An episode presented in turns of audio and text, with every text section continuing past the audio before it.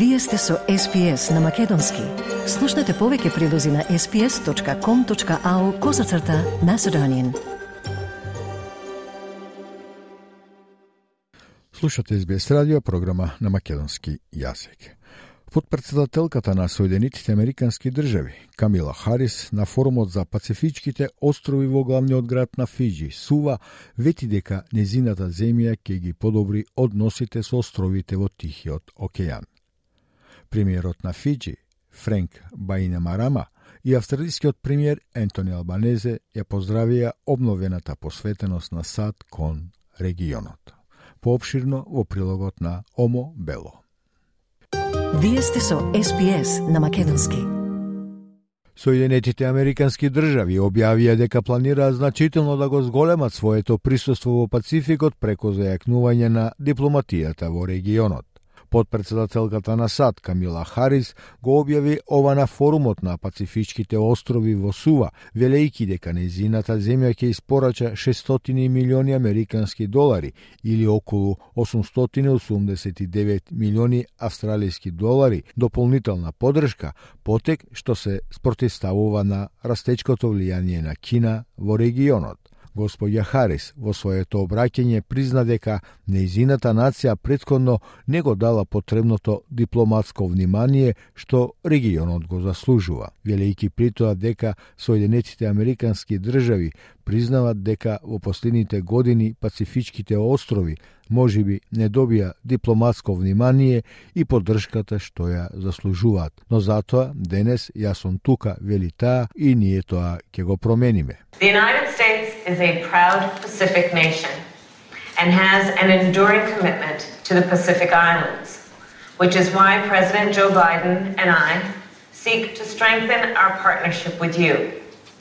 We recognize that in recent years, the Pacific Islands may not have received the diplomatic attention and support that you deserve.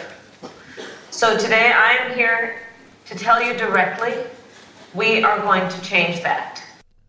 Кинеските официјални лица се појавија на форумот за време на обраќањето на господја Харис, но не е јасно дали двете официјални лица биле овластени да присуствуваат на настанот. Годинашниот настан кој ги собира лидерите од стратешки важниот Пацифик привлече голем интерес поради американско-кинеското ривалство. Господја Харис за време на незиниот говор исто така најави дека Соединетите Американски држави ќе го назначат и првиот представник на форумот на Пацифичките острови. Таа најави отварање на две нови локации на амбасади во областа на Пацификот, и тоа во Тонга и Кирибати.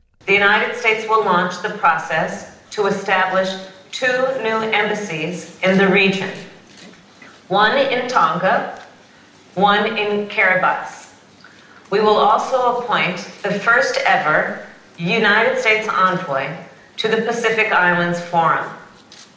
We will return Peace Corps volunteers to the region, and USAID is taking steps to expand its footprint to include re-establishing a regional mission in Suva, Fiji.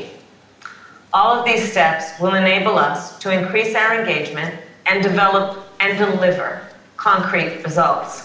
Домакинот на форумот, премиерот на Фиджи, Френк Баинемарама, го поздрави обновеното внимание на Соединетите држави, велејки дека неговата земја со натрпение очекува да работи заедно понатаму. I think it is clear to see that the U.S. is certainly looking a lot more like the Pacific partner we have traditionally held it to be. We look forward to deeper engagement to support our development and build our capacity at the regional and national levels. Honorable Minister and officials, I wish you the best in the renegotiation phase and encourage you to nurture this important relationship. Americans and Pacific Islanders share an ocean we look forward to working together towards a secure and prosperous shared future. На состанокот, регионалните лидери првпат се сретнаа откако Соломонските острови подпиша контраверзен безбедносен договор со Кина на почетокот од оваа година. Соединетите Американски држави и најбогатите нации на форумот, Австралија и Нов Зеланд се загрижени за пактот, стравувајќи дека тоа би можело да резултира со отварање база на кинеската морнарица во Јужниот Пацифик на помалку од 2000 километри од австралискиот североистечен брег. Соломонските острови ја уверуваат Австралија дека договорот нема да доведе до воено присуство. Австралискиот прајминистер Ентони Албанезе, кој е еден од последните лидери што пристигнаа на Собирот, вели дека неговата земја ја поздравила зголемената посветеност на Соединетите Американски држави во регионот. Меѓу другото, Албанезе вели дека го поздравува зголемениот ангажман на Соединетите Американски држави во регионот за значителен пакет за подршка што тие го најавија, зголемено дипломатско присуство, зголемена подршка во форма на помош, зголемена подршка во форма на развој на инфраструктурата. We quite clearly uh, said that we had a Pacific step up. Uh, I described uh, the uh, what occurred earlier this year as a Pacific stuff up, that we hadn't paid enough attention. And I know that the Biden administration has said that as well. I very much welcome the increased engagement of the United States in the region. Uh, it's a, a, significant support package that uh, they've announced, increased diplomatic presence, uh, increased uh, support in the form of aid, increased support in the form of infrastructure development here.